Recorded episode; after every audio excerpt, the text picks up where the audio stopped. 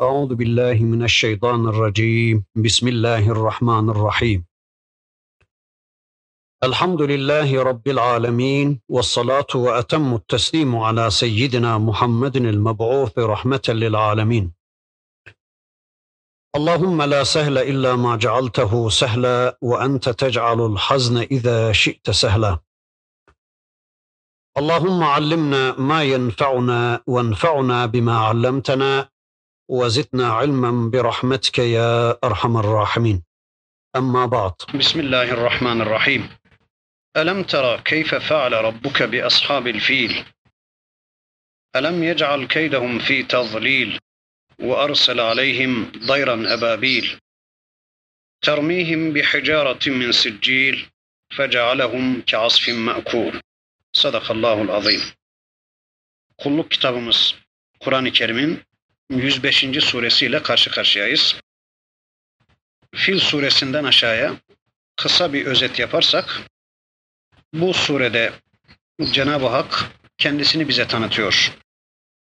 Rabbı yani kendisini, zatını bize tanıtıyor. İşte Kabe'nin Rabbi olduğunu, insanları koruduğunu bize anlatıyor. Sonra da tamam bildik anladık. Allah'ı anladık ama ne yapacağız? Ona karşı görevimiz, vazifemiz nedir? Diyenlere karşılık da فَلْيَعْبُدُوا رَبَّ هَذَا الْبَيْتِ الَّذ۪ي اَضْعَمَهُمْ مِنْ جُعٍ وَآمَنَهُمْ مِنْ خَوْفٍ diyerek Kureyş suresinde de işte bu Allah'a kulluk yapmak zorundasınız diyecek. İşte bu Rabbin hatırına kulluk yapmak zorundasınız. Bu beytin Rabbına kulluk yapmak zorundasınız diyecek. Yani sadece Allah'ı bilmek yetmez. Hemen arkasından kulluk gelecek. Peki anladık. Allah'a kulluk yapmak zorundayız ama peki nasıl bir kulluk yapacağız? Şeklindeki bir suale karşılık da Maun suresinde Cenab-ı Hak bireysel planda namaz kılarak yani bedeninizi Allah'a hasrederek toplumsal planda da malınızı Allah'a vererek yani zekat vererek Allah'a kulluk yapacaksınız der. İşte bunu yaptığınız zaman, maunu engellemediğiniz zaman, insanlara Allah'ın size verdiği malı bolca infak ettiğiniz zaman insanlar size epter diyecekler. Bunun sonu güdük diyecekler. Bu adam olmaz. Bu ilim öğreneceğim diye dükkanını tezgahını kapalı tutuyor.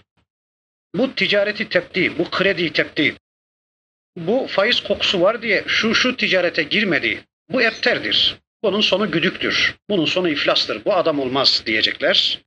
Kevser suresinde Cenab-ı Hak bunu anlatıyor. Siz de onlara diyeceksiniz ki Kul ya eyyuhel kafirun Ey kafirler elbette biz sizden farklıyız. La a'budu ma ta'budun Ben sizin kulluk anlayışınıza benzer bir kulluk içinde değilim ki. Ben sizin anlayışınıza benzer bir anlayış içinde değilim ki. Siz ayrısınız, biz ayrıyız. Lekum dinukum veliye din. Sizin dininiz, sizin yolunuz, sizin usulünüz, sizin metotlarınız, sizin anlayışınız sizin olsun. Bizim dinimiz, bizim anlayışımız, bizim yolumuz da bizim olsun diyeceğiz ve tümüyle küfürden, şirkten ayrılacağız. Kafirlerle aramıza set çekeceğiz. Safları ayıracağız. İşte o zaman da اِذَا جَاءَ نَصْرُ اللّٰهِ وَالْفَتَحِ Bilesiniz ki böyle bir ayrım yaptıktan sonra kafirlerle aranıza böyle bir set çekip de şirkten tümüyle ayrılıp uzaklaştıktan sonra Allah'ın yardımı ve nusreti gelecektir. Ve göreceksiniz ki sizin ortaya koyduğunuz bu tavır sonucunda Allah'ın kulları yığın yığın Allah'ın dinine girmeye başlayacaklar. İşte siz bunu gördüğünüz zaman da fesebbih bihamdi rabbike vestağfirhu hamd ile Rabbinize tesbih edin ve istiğfarda bulunun. Ya Rabbi bu benim çalışmalarım sonucu olmadı. Sen lütfettin ya Rabbi. Ya da daha çok çalışmak zorundaydım. Daha çok insana, daha çok kuluna dinini ulaştırmak zorundaydım diye istiğfarda bulunun. Siz bunu yaparsanız, istiğfara başlarsanız tebbet yede ebi lehebin ve tebbe çağdaş bütün Ebu Leheb'lerin elleri kuruyacaktır. Onların yapacakları bir şey kalmayacaktır. Tüm yaptıklarını Allah bozacaktır. İşte siz de o zaman kul huvallahu ahad deyin. Allah tektir deyin. Bu işi yapan Allah'tır deyin. O samettir deyin. Doğmadı, doğurmadı deyin ve hiçbir şey ona denk olmadı deyin. Allah'ı büyükleyin. Her şeyin Allah'tan geldiğini bilin ve anlayın. Ama her şeye rağmen, bütün bunları yapmanıza rağmen şeytana dikkat edin. Bi rabbil felak min şerri ma halak ve min şerri gasikin iza vakab. Kul a'udhu bi rabbin nas, melikin nas, ilahin nas, min şerril vesvasil hannas, ellezî yuvesvisu fi sudurin nas. Her şeye rağmen, bütün bu meseleleri becermenize rağmen kesinlikle bilesiniz ki şeytan izinsizdir. Şeytan izinleri kaldırmıştır, sürekli peşinizdedir, sizi aldatmak için çırpınmaktadır. Şeytana da dikkat edin diye sureler işte bu atmosferde devam edecek. Fil suresi Mekke'de nazil olmuş bir suredir. Kur'an-ı Kerim'in 105. sırasında yer almış bir suredir. Surede Ebrehe anlatılır, fil ordusu ve Kureyş anlatılır. Ebrehe Yunanca Abraham, İbranice Ebrehe ve Arapçada İbrahim demektir. Onun hepsi aynı manada. Yemen'in Sana şehrinde oturan bir adamdı. Şairlerden birisi şöyle bir şiir söylemiş. Du İbrahim Ahmet bedeyri cihan yeki put şiken şöt yeki put nişen. Yeryüzüne iki İbrahim geldi. Bunlardan birisi put diken İbrahim, ikincisi de put yıkan İbrahim. İki İbrahim gelmiş arza. Birisi put diken İbrahim, birisi de put yıkan İbrahim. Put yıkan İbrahim malum Hanif dinlerin peygamberi, peygamberimizin ceddi Hazreti İbrahim'dir. Put yıkan İbrahim. Put diken İbrahim de işte bu Ebrehe'dir. Habeşistan'ın Sana şehrinde Kabe'yi yıkmaya teşebbüs eden güya Hristiyanlığı yaymak adına görünürdeki niyeti oydu. Kabe'yi yıkmaya teşebbüs eden, fil ordusunu hazırlayan ve Cenab-ı Hakk'ın kuşları tarafından yerle bir edilen Ebrehe'dir. Bu bahsedilen Ebrehe, Bizans hükümdarı ve Habeş kralı Necaşi'ye bağlı bir valiydi başlangıçta Yemen'de. Ordu komutanı Aryat'ı öldürdükten sonra iktidarı ele geçirdiği, sonra özde esasta niyeti kıbleyi değiştirmek idi. Ebrehe'nin özdeki esastaki niyeti kıbleyi değiştirmekti. Fakat görünürdeki niyeti Suudi Arabistan yarımadasında Hristiyanlığı yaymak idi. Böylece Habeş kralı Necaşi'nin ve Bizans imparatorunun gözüne girmek istiyordu. Hristiyanlığı yaymak niyetiyle. Halbuki onun yaptığı biçimde Hristiyanlık yayılmazdı. O niyeti görünürde bir niyetti. Özdeki, esastaki niyeti ise kıbleyi değiştirmekti. Bundan şunu kastediyorum.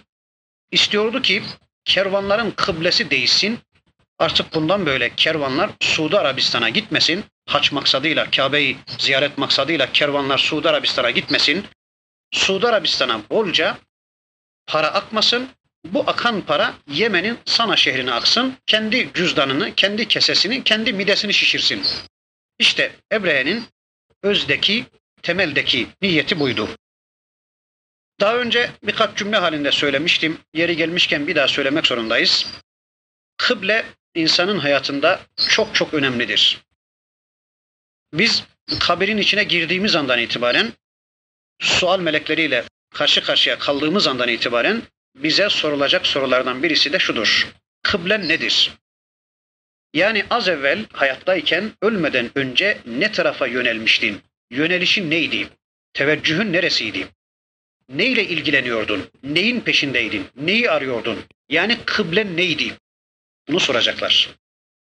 Demek ki kıble yöneldiği yön, kişinin yöneldiği yön demektir. Kişinin ilgilendiği yön demektir. İlgisini, alakasını yönlendirdiği, teveccüh ettirdiği yön demektir. Kıble gerçekten insanların hayatında çok çok önemlidir. Mesela bir memlekette insanlar içki tüketimine yönelmişse, içkiyle ilgilenmeye başlamışlarsa, yani içki insanların nazarında kıble haline gelmişse, o memlekette yığınlarla içki fabrikası açılmak zorundadır. Niye? Çünkü insanlar tüketimine yönelmiştir. İçki tüketimiyle ilgilenmeye başlamıştır. Ama insanlar nazarında içki kıble olmaktan çıksa, yani insanlar içkiye yönelmekten vazgeçse, o zaman o memlekette binlerce maya fabrikası, içki fabrikası olsa bile bunların hepsi günün birinde kapanıp yok olup gitmek zorundadır. Niye? Çünkü kıble olmaktan çıkmıştır. Belki Katolik ülkelerde Protestan ülkelere göre ya da İslam'ın çok ciddi yaşandığı Türkiye'nin bazı şehirlerinde İslam'ın az yaşandığı bölgelerine göre içki tüketiminin daha az oluşunun hikmeti buradadır. Çünkü insanlar içkiye yönelmemiştir.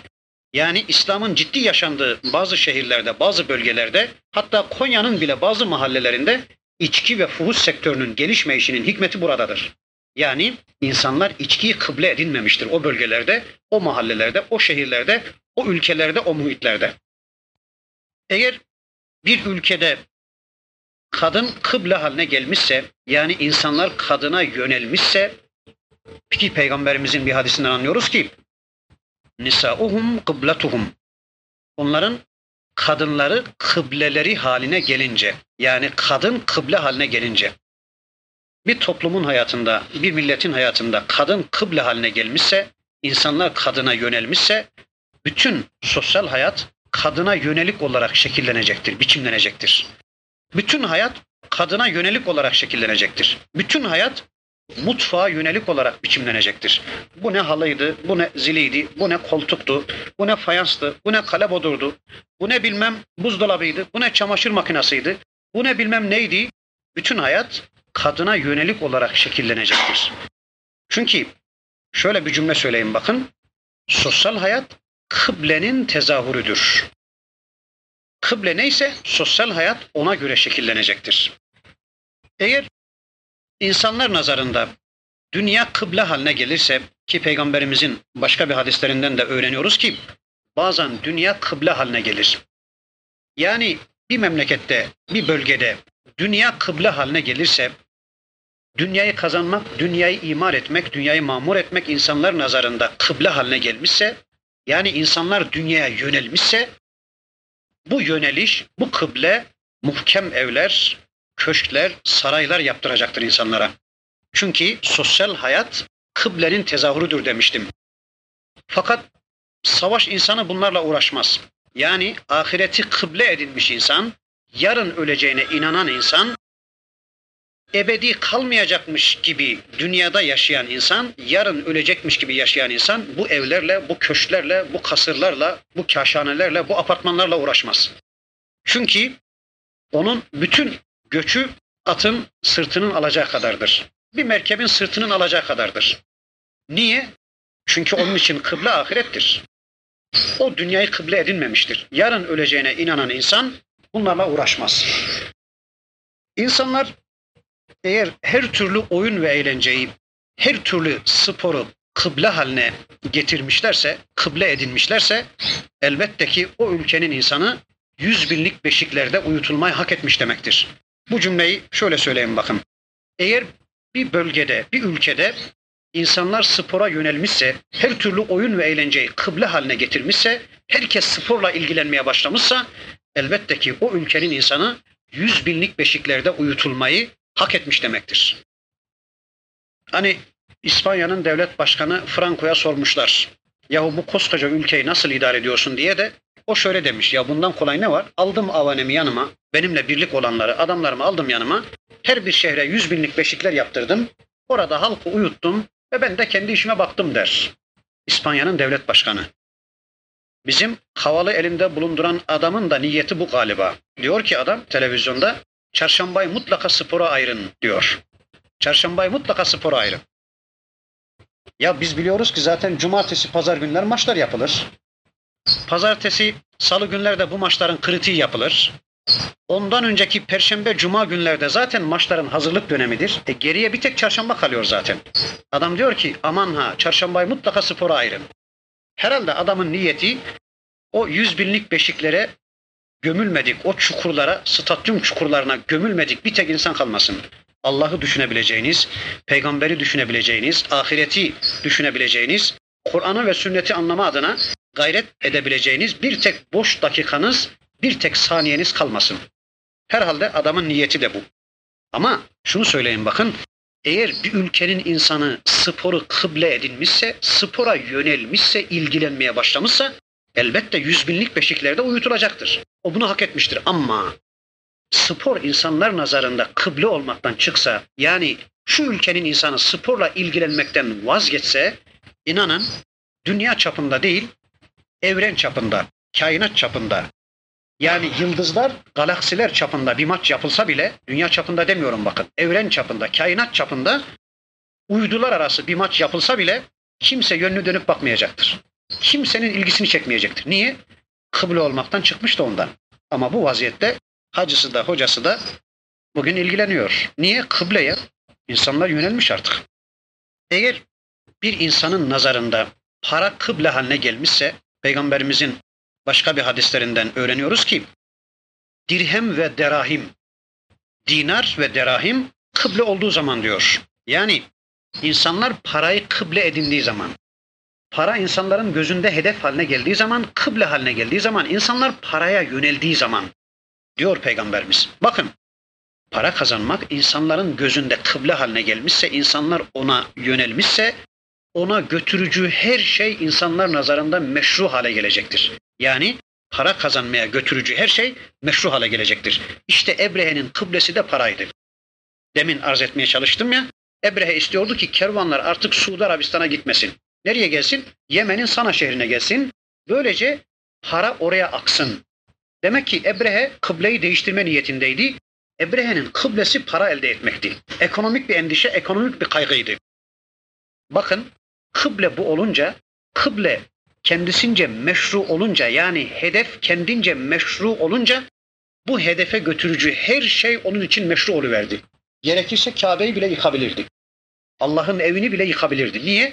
Hedef meşruydu ya. Hedef para kazanmaktı ya. Hedef meşruydu ya. Kıblesi meşruydu ya. O meşru olan hedefe, kıbleye götürücü her şeyde onun için meşruydu, caizdi. Gerekirse Kabe'yi bile yıkabilirdi. İşte yıkmaya teşebbüs etti. İşte bugün de 20. asırda bakın Müslümanların hayatına para kazanmak hedef haline gelince, para kıble haline gelince ona götürücü her şey Müslümanın gözünde meşru hale geliyor. Gerekirse Müslüman para kazanabilmek için dükkanını açık tutmak zorunda ya namazı bile terk eder. Yani Ebrehe'nin parayı elde edebilmek için Kabe'yi yıkmaya teşebbüsüyle bir Müslümanın para kazanabilmek için dinin direği olan namazı yıkması arasında bir fark var mıdır? Hiçbir fark yok. Bakın para kazanabilmek için bir Müslüman bugün dükkanımı açık tutacağım endişesiyle namazı bile terk etmektedir. İlmi bile terk etmektedir. Allah'ın kendisine farz kıldığı ilimle iştihalı terk etmektedir. Öyleyse eğer para kıble haline gelirse Allah korusun kişi Ebrehe'nin yaptığını yapacaktır. Hani bir Yahudi kızı öyle diyordu. Yeryüzünde bir tek Yahudi kalmasa babamla evlenir, Yahudi ırkını yine devam ettiririm. Elbette kendince kıble meşru olunca onun kıblesi neydi? Onun kıblesi de Yahudi ırkını devam ettirmek. Kıble kendince meşru olunca o kıbleye götürücü her şey meşrudur. Gerekirse babasıyla bile evlenmesi meşrudur. İnsan iki unsurdan meydana gelmiştir. Bir kısmı çamur, bir kısmı da ruh. Bir kısmı çamur, bildiğiniz çamur, bir kısmı da ruh. Allah'ın çamura ruh üfürmesiyle meydana gelmiştir insan. Ve tarih boyunca insanlar ya çamuru hedef seçmişler, çamuru kıble edinmişler, materyalistçe davranmışlar, insanı maddeden ibaret zannetmişler, hep öyle değerlendirmişler, hata etmişler ya da sadece onu ruhtan ibaret saymışlar, ruha yönelmişler, ruhu kıble edinmişler. İkisi de batıl. Bu ikisi arasında denge kurulduğu zaman insan yarısı çamur, yarısı ruh.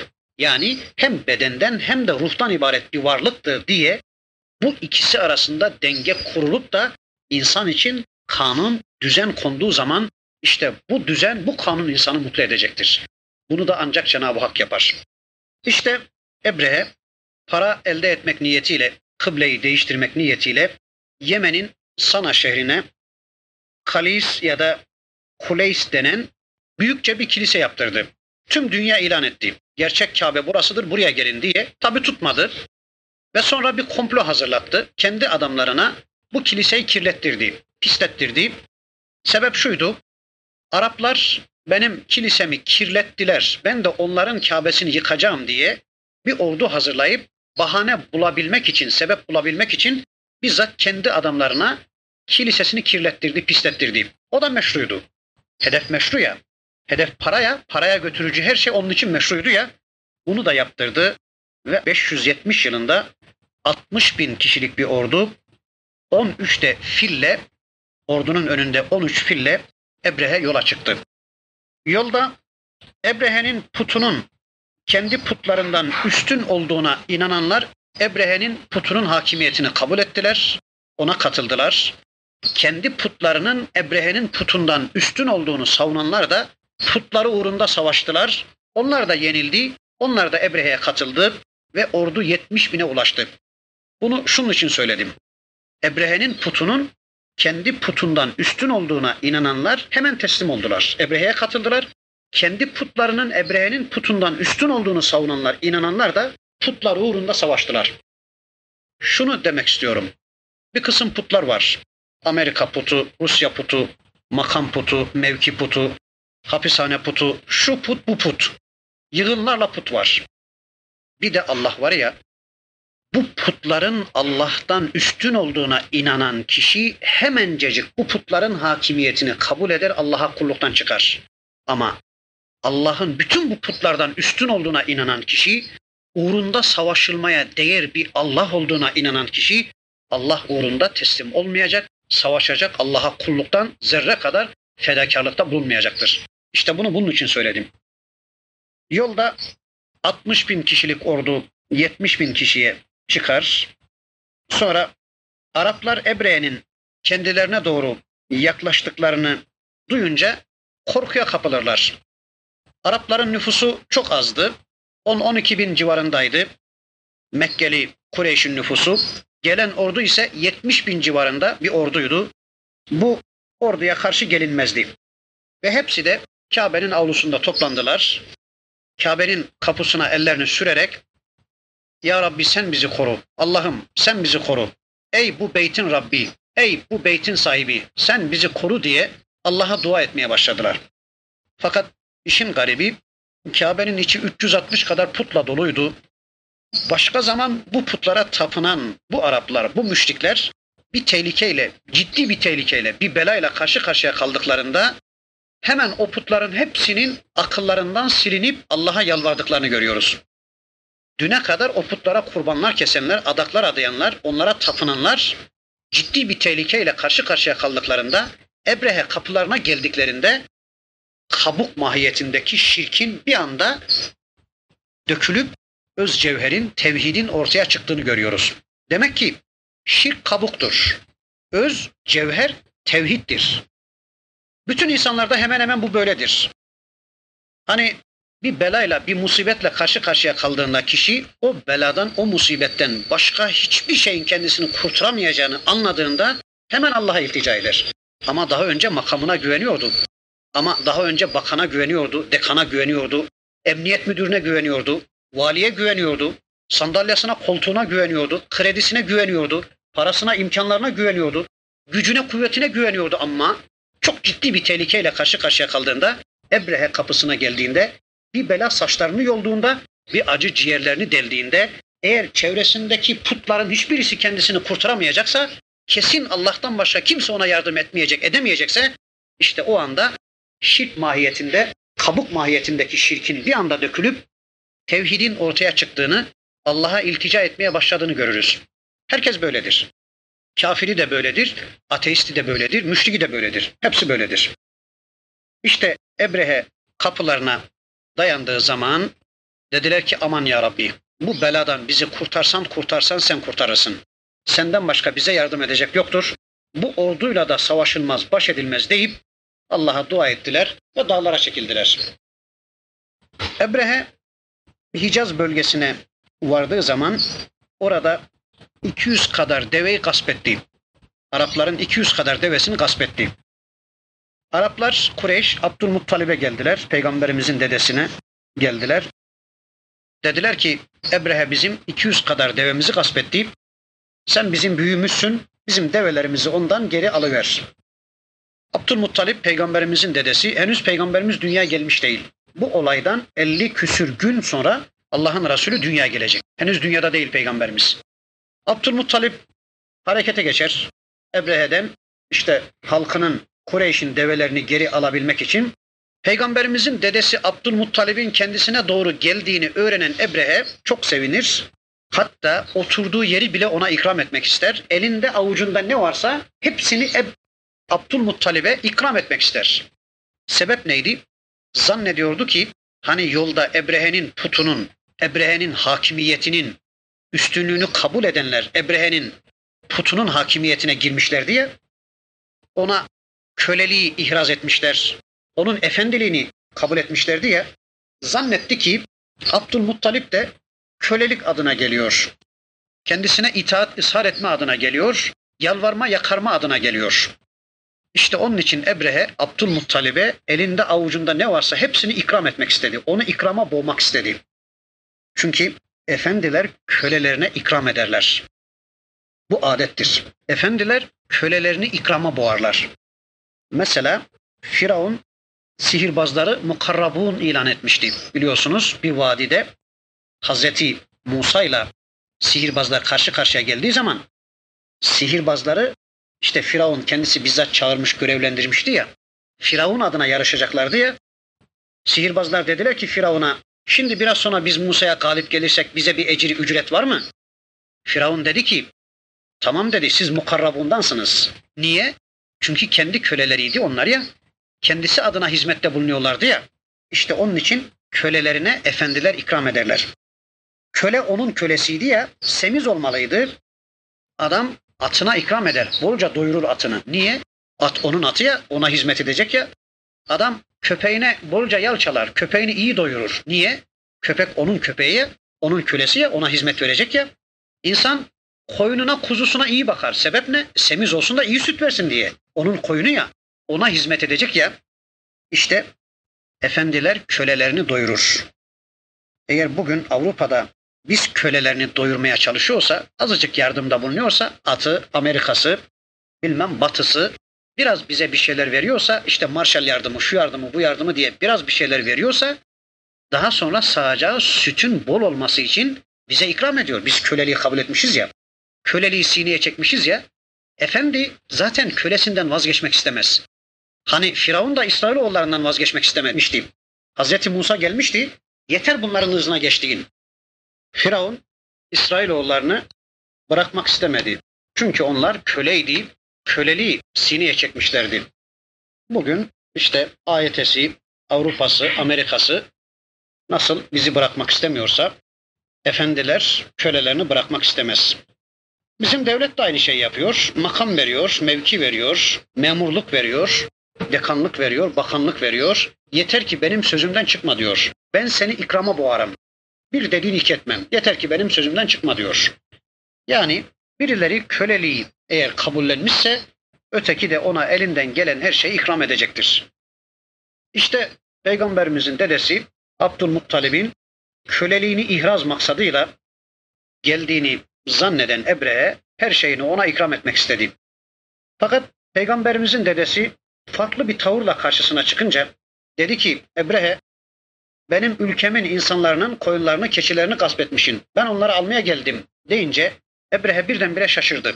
Dedi ki ben seni Kabe'yi yıkma diye ricaya geldiğini zannediyordum. Özür dileyecek zannediyordum. Benim hakimiyetimi kabul ettiğin niyetiyle geldiğini zannediyordum. Halbuki sen koyun keçi derdindesin. Biraz sonra ben Kabe'yi yıkacağım. O koyunlarda, keçilerde, karlarınızda, kızlarınızda hepsi benim deyince bakın peygamberimizin dedesinin gerçekten çok çok güzel bir cevabı var. Dedi ki peygamberimizin dedesi vallahi dedi o Kabe'nin bir Rabbi var. O onu korumasını bilir. Benim yardımıma onun ihtiyacı yoktur. Ben onu yık yıkma diye rica gelmedim. O Kabe'nin bir sahibi var. O Kabe'nin bir Rabbi var. O onu korumasını bilir. Fakat ben koyunların, keçilerin sahibiyim. Ben onlardan sorumluyum. Ben senden onu istiyorum. Gerçekten çok çok güzel bir cevaptı. Peygamberimizin de bu konuda bir hadisi var hatırlayacaksınız. Kullukum ra'in ve kullukum mes'ulun an ra'iyetihi. Hepiniz çobansınız ve hepiniz güttüğünüzden sorumlusunuz. Hepiniz çobansınız ve hepiniz sürünüzden sorumlusunuz. Yani biz sürümüzden sorumluyuz. Yani biz bize düşeni yapsak, biz sorumluluk alanımıza giren konuda eğer mesuliyetimizi idrak edip yapmamız gerekeni yapsak, sünnetullah gereği Allah da kendisine düşeni yapacaktır. Fakat biz bugün bize düşeni yapmadığımızdan kendi sorumluluk alanımıza giren meselelerde sorumluluğumuzu fark edip ciddi bir biçimde sorumluluğumuzu ifa etmediğimizden, bize düşeni yapmadığımızdan belki bugüne kadar Allah da bize yardım etmiyor, kendine düşeni yapmıyor diyeceğiz. Sorumluluk alanımız belli. Önce ehlimiz, hanımlarımız, çocuklarımız, bizi dinleyenler, babamız, anamız, kardeşimiz, belki kayınpederimiz, kayınvalidemiz, yani söz geçirebileceğimiz kişiler.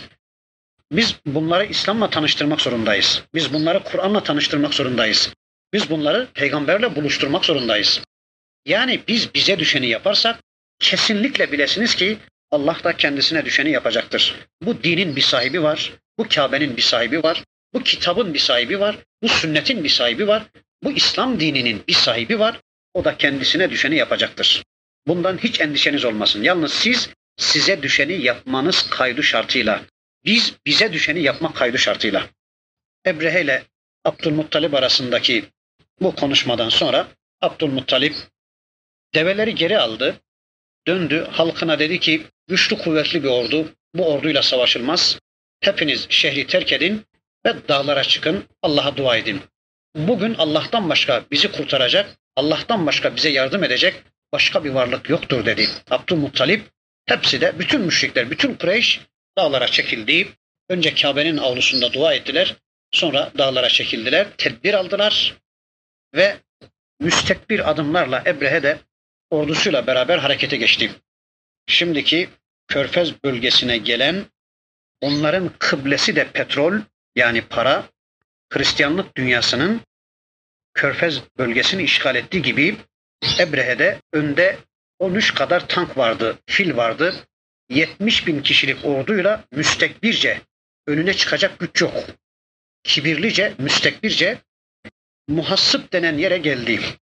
Burası Mina ile Müzdelife arasında bir bölgedir. Muhassıp denir buraya. Azabın indiği bölge. İşte ordunun tümüyle helak edildiği bölge burasıdır. Hacca giden kardeşlerimiz bilir. Arafat'tan inilirken Mina ile Müzdelife arasındaki muhassıp denen o bölgede hızlı hareket edilir. Durulmaz. Dinlenilmez, oturulmaz. Hızlı hareket edilir. Sebep ne? Çünkü Allah'ın Resulü burası azabın indiği yerdir. Sakın burada durmayın, hızlı geçin buyurmuş. Zaten azabın indiği yerde durulmaz. Hızlı geçilir. Bilmem bu şehirde durulur mu? Mesela bu mahallede durulur mu? Orasını bilmiyorum. Bu kadar genel evi, bu kadar açıktan açığa içki içilen bir bölge, bu kadar açıktan açığa faizin yenip içildiği, alınıp verildiği bir belde, bir bölge, bilmem. Buraya eğer şu anda Allah'ın azabı iniyorsa, herhalde burada da durulmaz. Mesela adam ikinci katta oturuyor, altındaki adam namazsızsa, birinci kattaki adam namazsızsa, yukarıdan azap inerken herhalde ikinci kattaki adamı şöyle bir zikzak çizerek atlayarak inmez değil mi? Onunla beraber iner ya. Üstündeki adam zinacıysa herhalde onu atlamaz azap inerken. Ya da sağındaki solundaki komşusu İslam'ı yaşamıyorsa herhalde azap onu atlamaz. Bir zikzak çizmez. Allah şöyle ayırmaz. Azabın indiği yerde durmamak lazım ama bilmem bu şehirde biz yaşıyoruz işte. Ecdadımız hacet namazına giderken yağmur isteme niyetiyle Cenab-ı Hakk'a dua maksadıyla giderken şehri terk edermiş. Şehri terk ederlermiş. Bir sahraya çıkarlarmış. Sebep neydi? Çünkü şehirde namazsız da olabilir, ehli kitap da olabilir, zımmi de olabilir, Yahudi Hristiyan da olabilir, şu bu da olabilir. Onun için onlara rahmet inmez endişesiyle şehri terk ederlermiş. Müslümanları alarak ve yanlarına kesinlikle Yahudi ve Hristiyan getirmezlermiş. Yahudi ve Hristiyanları getirmezlermiş. Sebep ne? Rahmet inmez, rahmete engel olur bunlar diye onları getirmezlermiş dua mahalline. Allah bilmiyorum işte biz böyle bir şehirde yaşıyoruz işte. Muhassıp denen Mina ile Müzdelife arasındaki muhassıp denen mevkiye geldiklerinde işte bundan sonrasını Cenab-ı Hak bakın şöyle anlatıyor. Ve ersele aleyhim tayran ebabil. Biz onların üzerine sürü sürü kuşlar gönderdik. Ebabil kelimesi Türkçe'ye geçmiş, ebabil kuşu diye geçmiş. Herhalde bu sureden esinlenerek geçmiş Türkçe'ye. Halbuki ebabil kelimesi Arapçada kuş değil. Ebabil diye bir kuş yoktur. Ebabil kelimesinin manası sürü sürü demektir. Ve ersele aleyhim tayran ebabil. Biz diyor Allah o ordunun 70 bin kişilik ordunun üzerine sürü sürü kuşlar gönderdik. Termihim bi hicaretin min siccil. Onlar siccilden yani pişmiş çamurdan yapılmış taşlar atıyorlardı. Bir ayağında iki tane, öbür ayağında da iki tane, dört tane, bir de gagasında olmak üzere her kuşta sekiz tane mitralyoz vardı. Fındık büyüklüğünde siccilden, pişmiş çamurdan yapılmış. Başka bir ayet-i kerimeden anlıyoruz ki musevvameten inde rabbik diyor ayet-i kerimede. Allah katında isimleri de yazılı. Her bir taşın üstünde hangi kafirin başına düşeceği de yazılı. Hiçbir taş hedefini şaşmadan hangi kafirin başına düşeceği yazılı. Kuşlar taşları atmaya başladılar. O mitralyozları, o bombalar atmaya başladılar. Ne olmuş bakın? فَجَعَلَهُمْ كَعَصْفٍ مَأْكُولٍ Derken Cenab-ı Hak onları yenik ekin yaprakları haline getirdi. Yenmiş ekin haline geldi onlar. Bunun bir iki manası var bakın. Birinci manası şu. Hani hayvanlar ekini yer yer yer de dışkı olarak çıkarır ya dışarıya, posa olarak atar ya. İşte onlar da aynen hayvanın yiyip de dışarıya çıkardığı dışkı ya da affedersiniz kazurat ya da posa haline getirdi onları. Birinci mana bu. İkinci mana şu. Koskoca bir ekin tarlasının içerisine yüzlerce binlerce şöyle bir hayvan sürüsünü bir salın hele bastıkça patır patır patır patır sağa sola yıkılır ya bütün buğdaylar kırılır sağa sola göçer ya işte onlar da hurma ağaçları gibi patır patır sağa sola düştüler devrildiler. İkinci manada budur.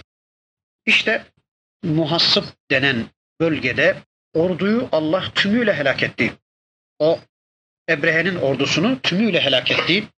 Bazı rivayetlere göre Ebrehe ve bazı kişiler, ordusundan bazı askerler canını kurtarabildiği o bölgede fakat yolda hepsi de geberdi. Allah Kabe'sini korudu. Burada bir iki konu üstünde duracağız. Birincisi Mekkeli müşriklerin bir cürmü vardı, bir de Ebrehe'nin cürmü vardı. Şimdi Cenab-ı Hak Mekkeli müşrikleri cezalandırmadı da acaba neden Ebrehe'yi cezalandırdı? Mekkeli müşriklerin suçu şuydu. Kabe'nin içini putlarla doldurmak. 360 kadar putla doldurmak. Ebrehe'nin suçu da Kabe'yi yıkmak. İkisi de suçlu değil mi? Ebrehe'ninki suç da Mekkeli müşriklerinki suç değil mi? Onlar da yıllardır Kabe'nin içinde 360 kadar put vardı. Putla doldurmuşlardı. Acaba niye Allah Mekkeli müşrikleri cezalandırmadı da Ebrehe'yi cezalandırdı? İkisininki de suçtu. Bunun izahını şöyle yapabiliriz. Hukukullahı ilgilendiren suçlar vardır.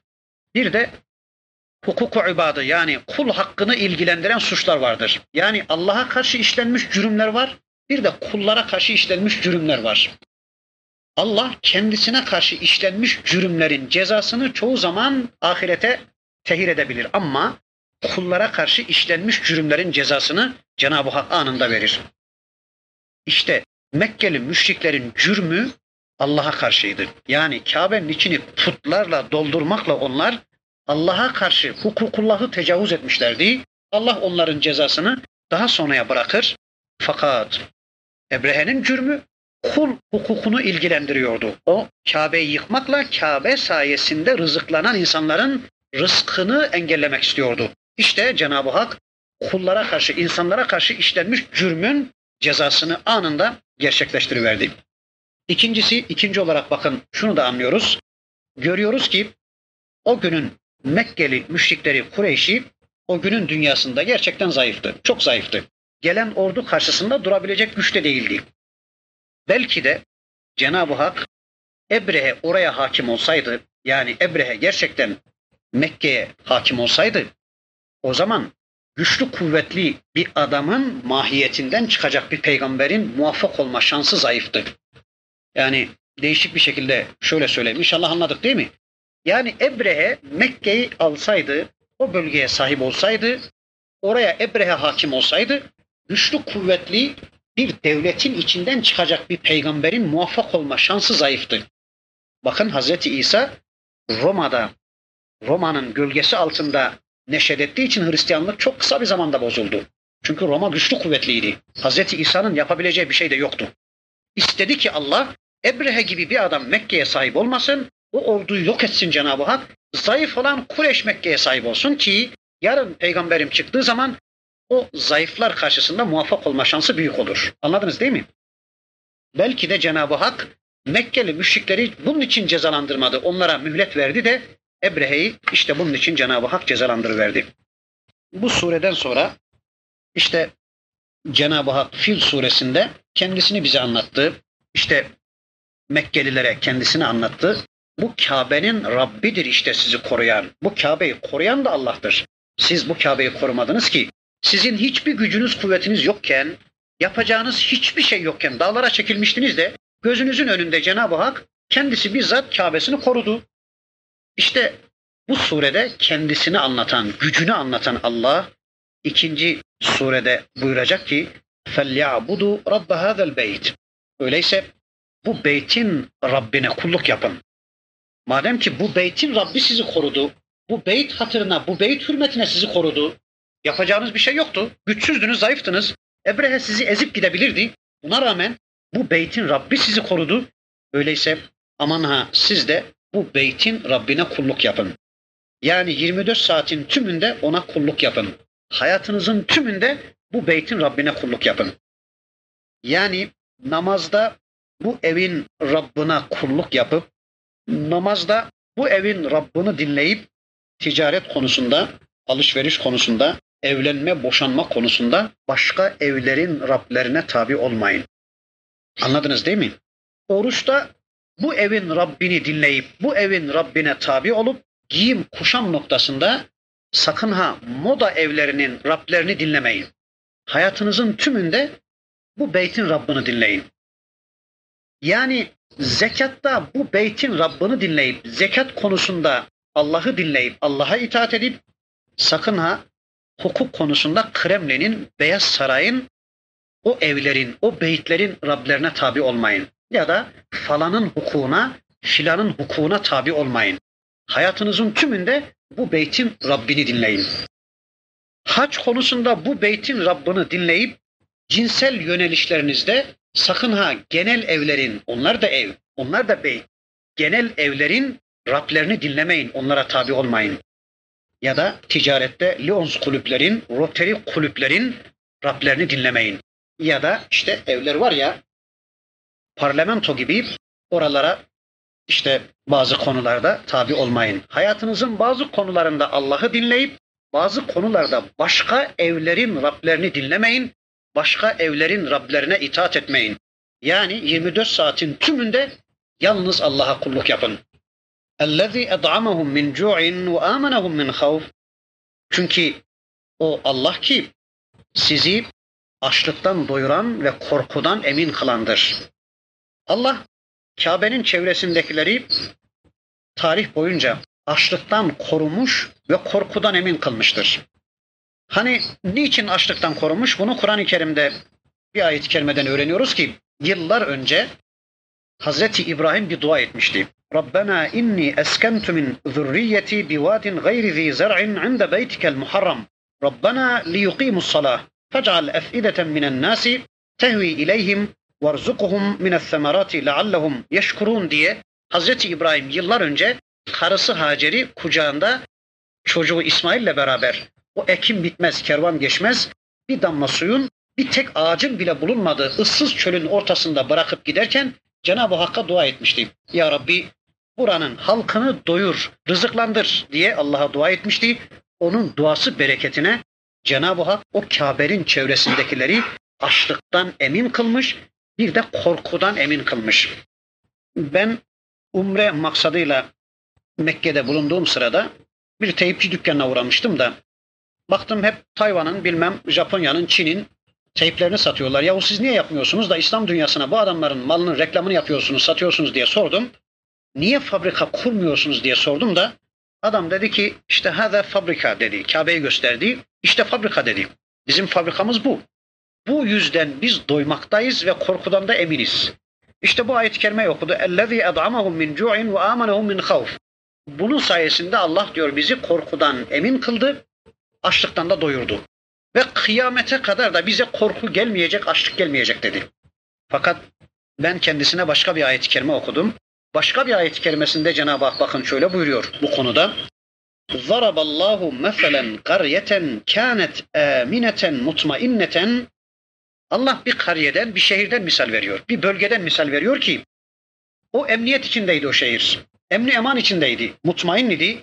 Ye'tiha rizquha min ragaden min kulli mekanin. O ülkeye, o şehre her bir taraftan rızık yağıyordu. Sürekli rızık geliyordu. Ama fekeferat bi en'umillah. Onlar Allah'ın nimetlerine karşı küfranı nimette bulundular. فَاَذَاقَهَا اللّٰهُ لِبَاسَ الْجُوعِ وَالْخَوْفِ Buyurur ki Allah, Allah da onlara korku ve açlık elbisesini giydiriverdi. Anladınız değil mi? Bir şehirden bahsediyor Cenab-ı Hak, bir ülkeden bahsediyor. Her yandan rızık yağıyordu. Mutmain, emniyet içindeydi, güven içindeydi, huzur içindeydi, sükun içindeydi o şehir ama fekeferat bi en'umillah. Onlar ne zaman ki küfranı nimette bulundular. Allah'ın kendilerine verdiği nimeti sükse yapmaya başladılar. Her bir dağın başına köşkler yapmaya başladılar. İslam dünyasında yığınlarla aç insan varken onlar israfla yemeye içmeye başladılar. Arabanın peşine düştüler. Evin, apartmanın, köşkün, villanın peşine düştüler. Yani dünyada lüksün, israfın peşine düştüler. İşte Suudi Arabistan'ın vaziyeti. Fekefferat bi en'umillah. Onlar küfrana nimette bulundular da feezâkahallahu libasel cu'i vel havfi. Allah da onlara açlık ve korku elbisesini giydiriverdi. İşte şimdi şu anda tam onlara bu elbise giydirildi. Körfez'in vaziyetini biliyorsunuz.